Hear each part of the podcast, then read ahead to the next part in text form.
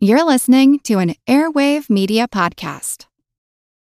When you need mealtime inspiration, it's worth shopping Kroger, where you'll find over 30,000 mouthwatering choices that excite your inner foodie. And no matter what tasty choice you make, you'll enjoy our everyday low prices, plus extra ways to save, like digital coupons worth over $600 each week. You can also save up to $1 off per gallon at the pump with fuel points. More savings and more inspiring flavors make shopping Kroger worth it every time. Kroger, fresh for everyone. Fuel restrictions apply. This is the story of the one. As head of maintenance at a concert hall, he knows the show must always go on. That's why he works behind the scenes, ensuring every light is working, the HVAC is humming, and his facility shines. With Grainger's supplies and solutions for every challenge he faces, plus 24 7 customer support, his venue never misses a beat. Call quickgranger.com or just stop by. Grainger, for the ones who get it done. This is Kick Ass Politics. I'm Ben Mathis. If you're listening for the first time, this is a sample episode as part of the Kick Ass Politics preview station. If you like what you hear, there are many more episodes to enjoy on our main podcast at Kick Ass Politics with Ben Mathis. You can subscribe for free by going to Kick Ass Politics with Ben Mathis on iTunes or click on the link in the information page for this episode. Also, feel free to check out our website for show notes, book recommendations, and more at kickasspolitics.com. And now, I hope you enjoy this preview episode of Kick Ass Politics. Today's podcast is brought to you by Audible.com. Audible has over 180,000 audiobooks available to download for your smartphone, tablet, or MP3 player. And right now, Kick Ass Politics listeners can get a free audiobook as part of Audible's 30-day trial. Just go to audibletrial.com backslash kickasspolitics or click on the sponsor link on our webpage at kickasspolitics.com and go get your free audiobook. Hi there, I'm Ben Mathis and welcome to Kick Ass Politics. In the last podcast, I spoke with Michael Rubin of the American Enterprise Institute about the nuclear deal with Iran that President Obama announced last week. We covered a lot of the broad strokes of the agreement, as well as the ramifications for the Middle East and for U.S. diplomacy. But in this podcast, I want to focus on the one who has the most to lose in this deal. And that, of course, is Israel. So today, I'm going to talk to Danny Ayalon. He served as the Israeli ambassador to the United States from 2002 to 2006 and then from 2009 to 2013, he was Deputy Foreign Minister for Israel under the current Prime Minister Benjamin Netanyahu. He's been a political advisor to three different prime ministers, and today he's a frequent columnist for the Wall Street Journal and the Jerusalem Post. In today's podcast, he'll discuss what the Iran deal means for Israel, how it may lead to some surprising alliances with Israel's Arab neighbors, and we'll talk about what Danny's old boss, Prime Minister Netanyahu's next move could be. All that and more with Danny Ayalon in just a moment.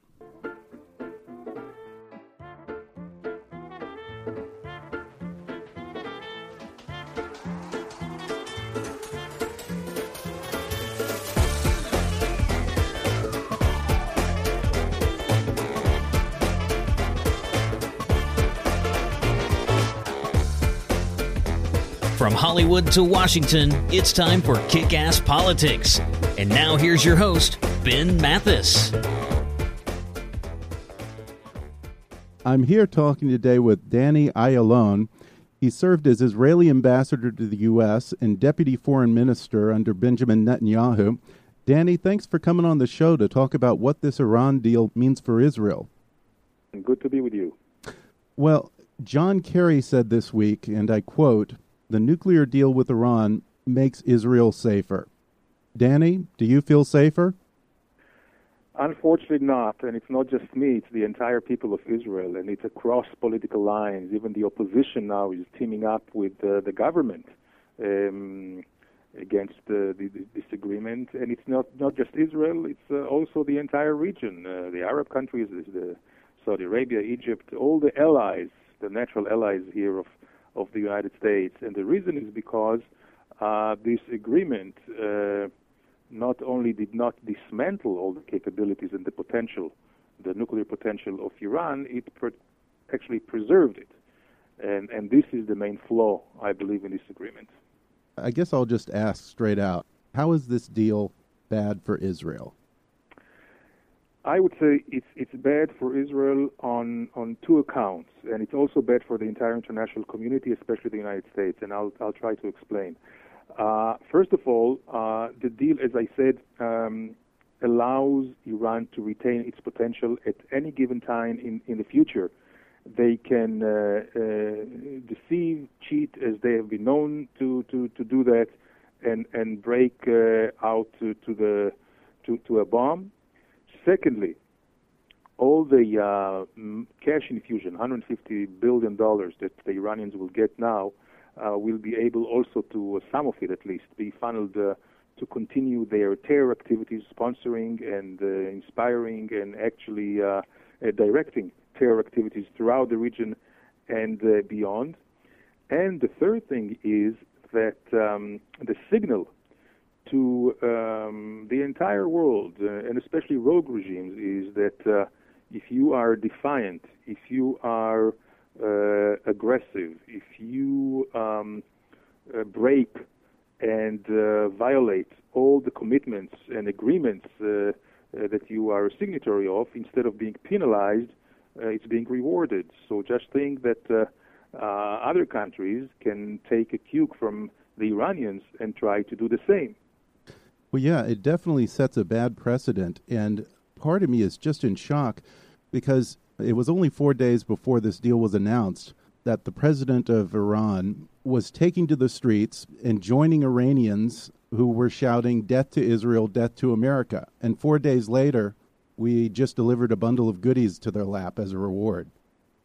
Yes, and we, we must understand that we're talking here about a. Uh, very ideological, extremely ideological uh, regime that um, there is no meeting point between it and uh, Western civilizations. And for them, um, in, in terms of their policy, in terms of their mentality, in terms of uh, their conduct, a written word or agreement is not something to be uh, bound by, but uh, actually to uh, further their interests. So uh, they're uh, now out of the of the hook, and um, and they, they can continue with their uh, very very aggressive um, goal of domination in the region, hegemony, and of course not just in the region. Certainly, there are other countries that are very concerned right now in the region.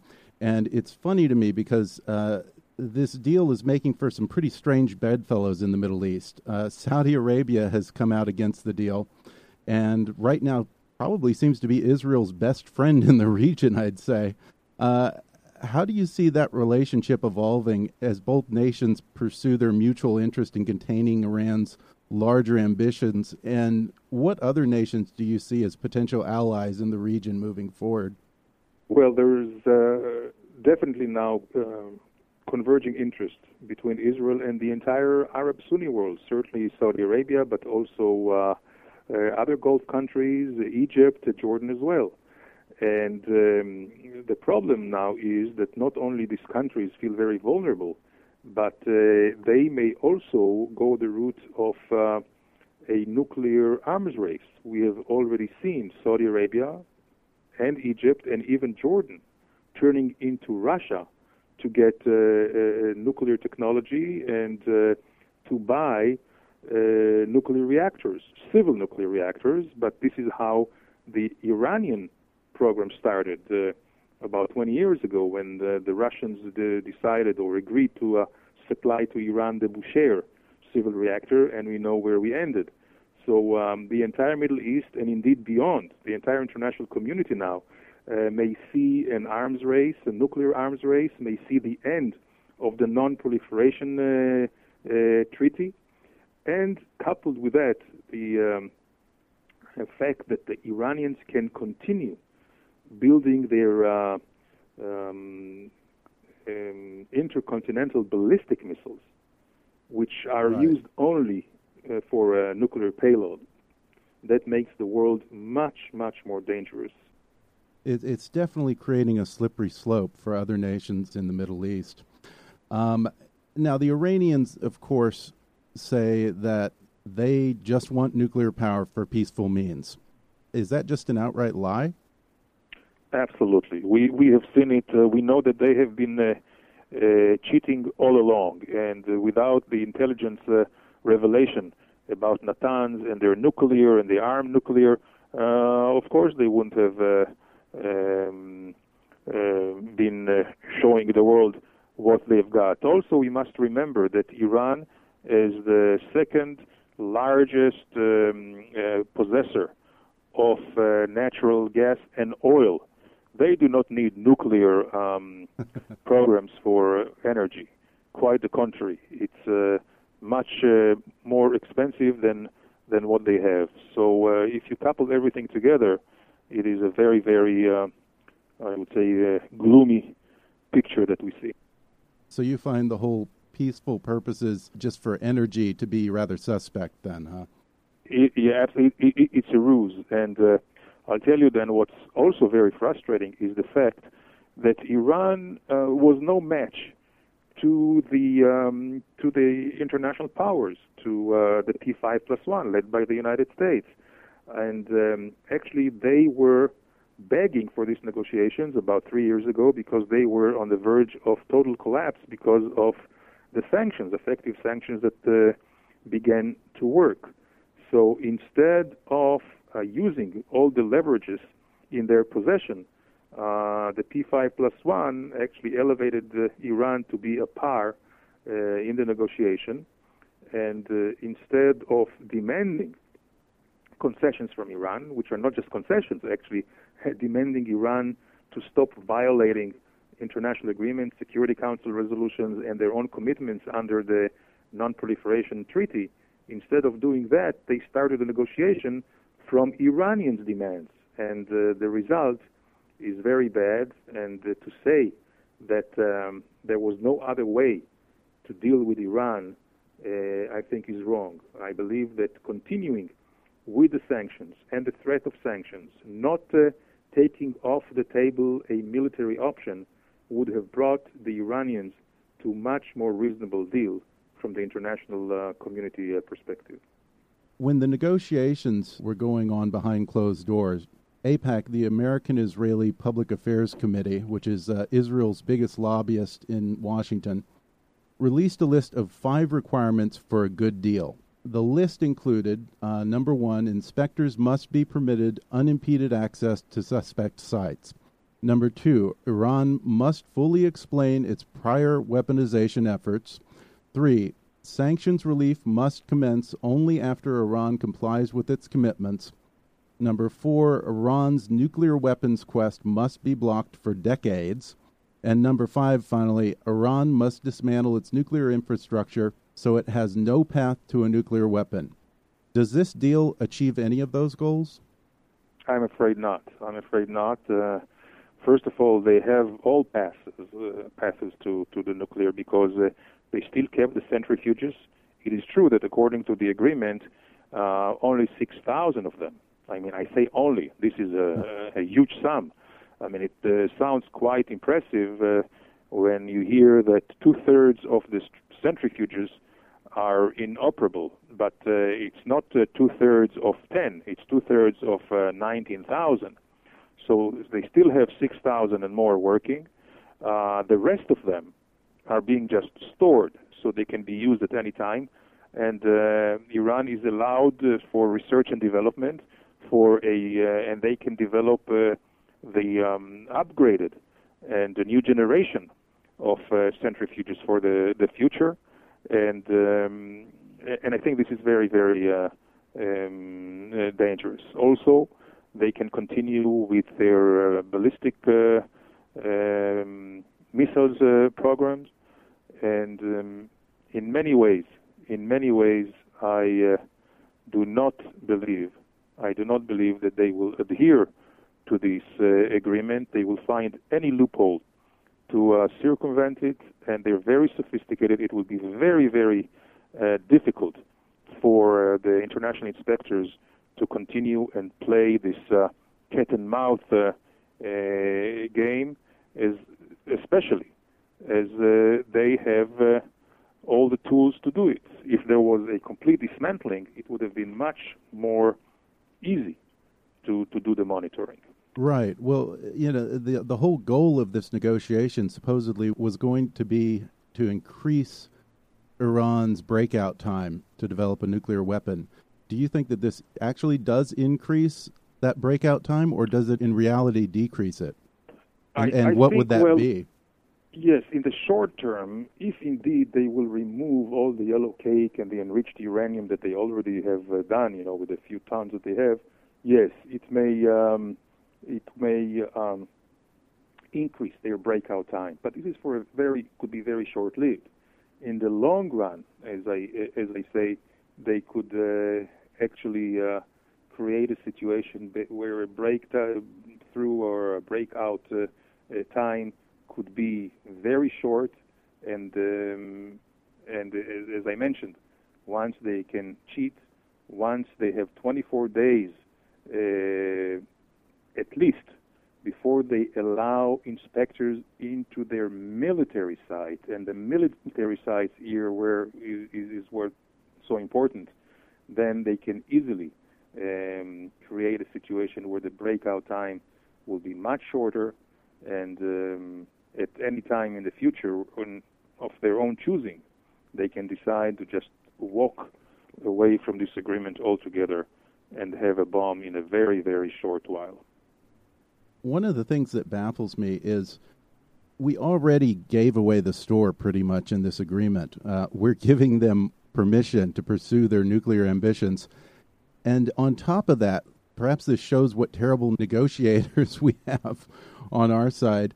Is on top of that, we threw in some concessions that I, I can't imagine we even needed to throw in. I mean, we were giving them the ability to pursue a nuclear program. What what else do we really owe them? But on top of all this, uh, the U.S. has agreed to unfreeze 100 to 150 billion in assets and money, with no restrictions on its use for purchasing arms and funding terrorism, including funding Hezbollah, Hamas, and the Assad regime in Syria, uh, for whom Iran has been uh, pretty much their best friend in the region. On top of that, under this agreement, top IRGC and Quds Force terrorists have been removed from the sanctions list, including Ahmad Vahidi, mastermind of the 1994 Jewish Community Center bombing in Argentina that killed 85 people. Isn't that just a huge slap in the face to Israel? Well, it is not just to Israel, but uh, to all those who are uh, uh, fighting and defending uh, themselves against international terrorism.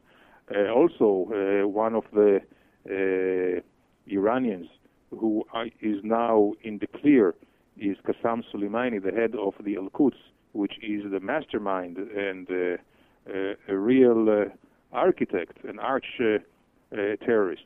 So certainly, when you look all around, this is a very, very unfortunate deal, which um, allows Iran to become much stronger, much more influence, uh, influential in the region, and I would say even beyond. And uh, again, I think the sign to the international community and to all the rogue regimes and terror organizations is really the wrong signal.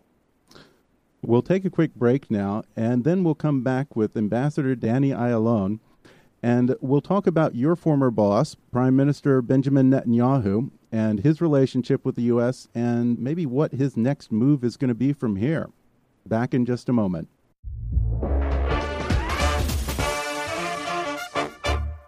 This portion of the podcast is sponsored by Fiverr. You've heard me rave about Fiverr before. That's Fiverr with two R's. Fiverr is the world's largest online marketplace for services with over a hundred categories, all offered for a fixed base price of just $5.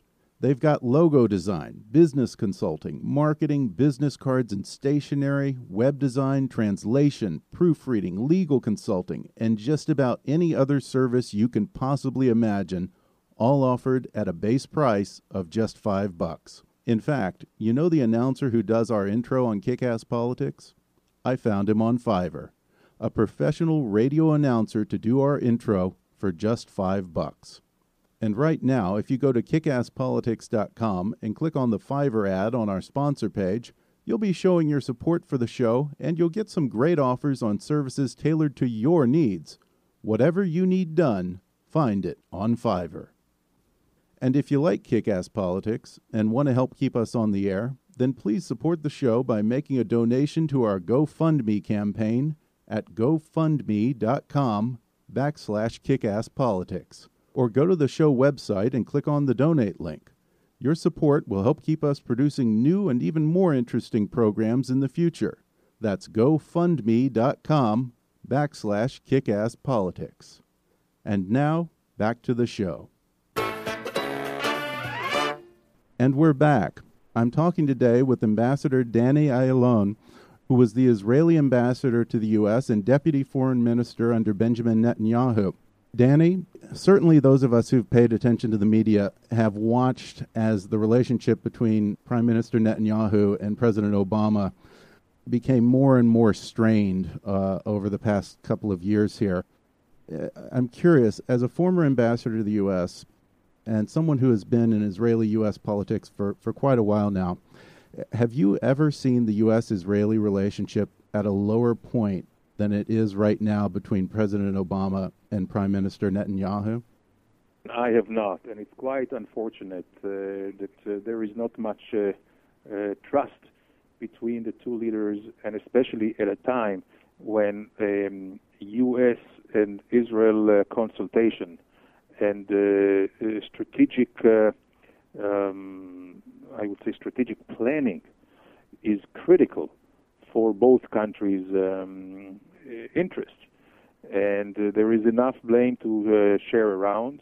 And I think now it is imperative for the two of them to um, just uh, sit together, iron out all the differences, and work together uh, and find a pattern of uh, a decent relationship, and especially uh, not surprising anyone, and working together for the remainder of the um, Obama's uh, term.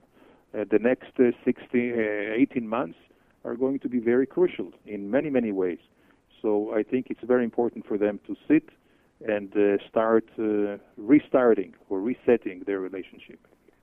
Well, there there are those who say that Benjamin Netanyahu's confrontational approach in dealing with the Obama administration, uh, particularly his speech before Congress, might have done more harm than good in alienating Israel from the White House and from the P5 plus one in the nuclear negotiation, uh, essentially putting Israel in a corner as the negotiations carried on.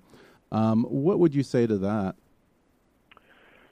Well, I would say certainly things could have been handled um, uh, differently, but I don't think that uh, this is uh, the, the, the real issue because the real issue is the content, and I think here the um, different uh, outlook uh, on the region, on the Islamic uh, terrorism, on Iran, on the Palestinian issue, of course, put the two administrations in a collision course but uh, I would say with more finesse and more diplomatic behavior, uh, um, many of the uh, obstacles could have been averted, and it's still not too late to do that.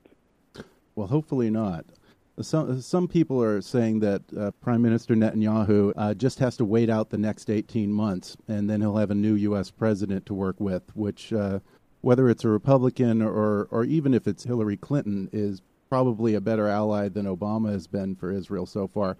Um, do you think waiting it out for 18 months is a realistic option, though? No, not at all, because uh, First of all, 18 months in politics and uh, in the geopolitics of uh, the region, and today actually the entire globe is almost an eternity. And we see how things can turn almost uh, on a flip of a coin.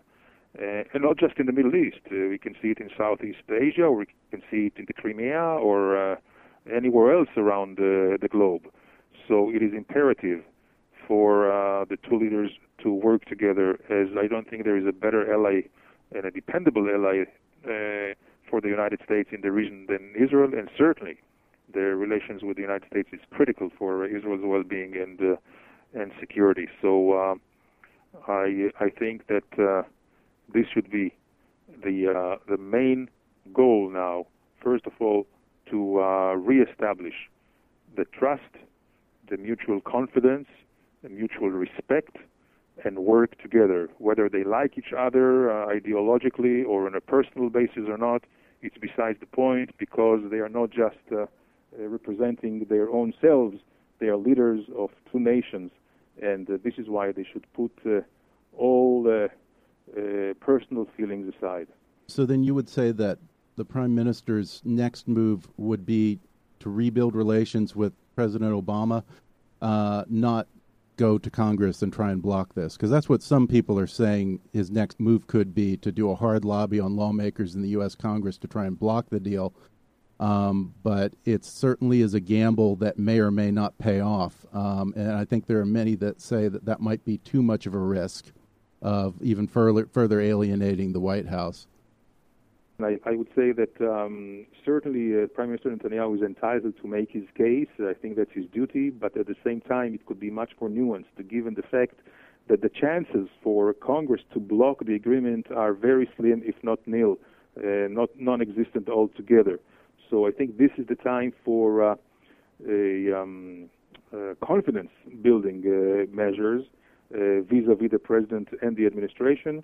And uh, in that uh, respect, I believe that um, not pushing too much in Congress. I mean, let the American process um, consume and exhaust itself uh, without any um, foreign interference, and at the same time work together already now with the administration on Plan B, and that is how to preserve and actually enhance uh, Israel's deterrent capabilities and defensive capabilities against uh, the enemies in the region, and first and foremost Iran, because this is also a, a great American interest to keep uh, stability here and security for all of us.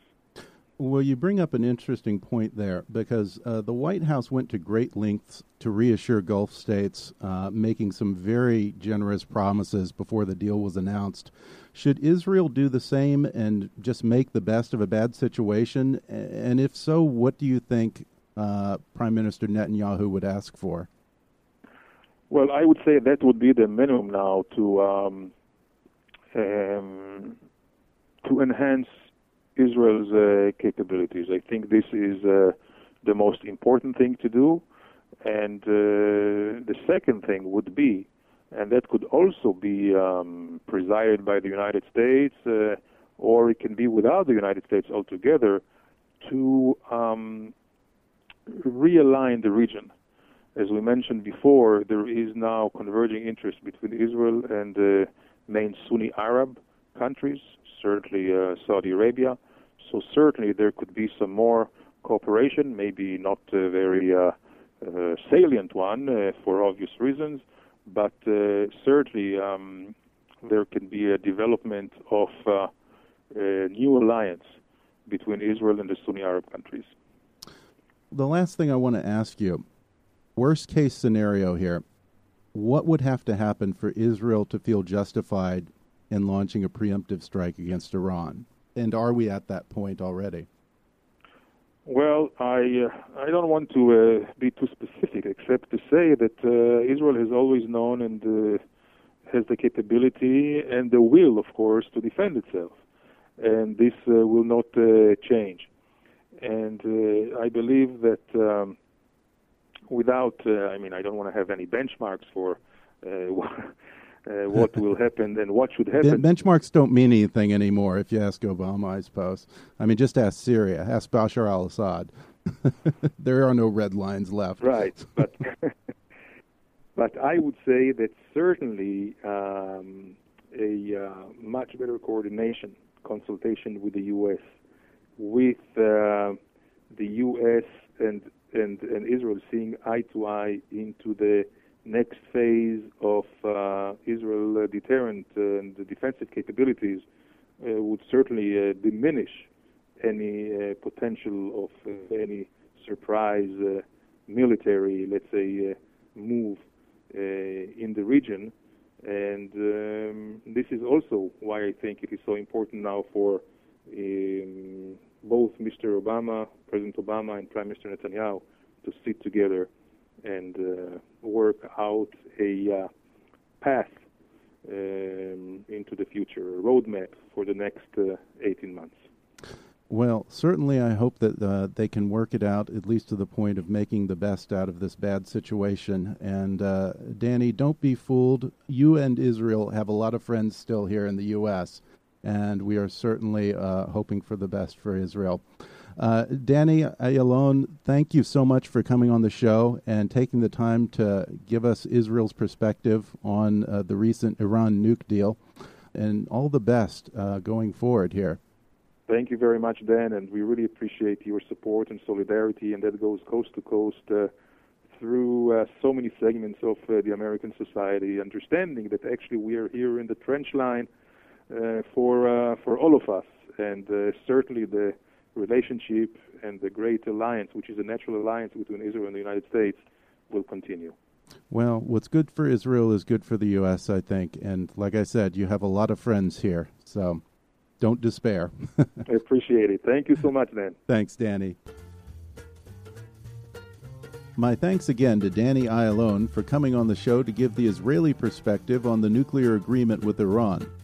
Danny frequently writes on issues relating to Israeli politics and Middle East policy, so if you want to read more, then visit his blog at dannyayalon.com. That's D A N N Y A Y A L O N.com. I'll also include a link in the show notes for this podcast. I hope you'll subscribe to the podcast on iTunes so you can automatically get new episodes as they become available. And while you're there, I'd appreciate it if you left us a review. That helps a lot with the show's rankings on iTunes. And if you like kick ass politics and you want to help keep us on the air, then support the show by making a donation to our GoFundMe campaign at gofundme.com backslash kickasspolitics or go to the show website and click on the donate link. Your support will help keep the lights on over here and will be greatly appreciated. That's gofundme.com backslash kickasspolitics. As always, I welcome your comments, questions, and suggestions at comments at kickasspolitics.com or leave a voicemail on the toll free listener hotline at 844 KA Politics. For now, I'm Ben Mathis, and thanks for listening to Kick Ass Politics.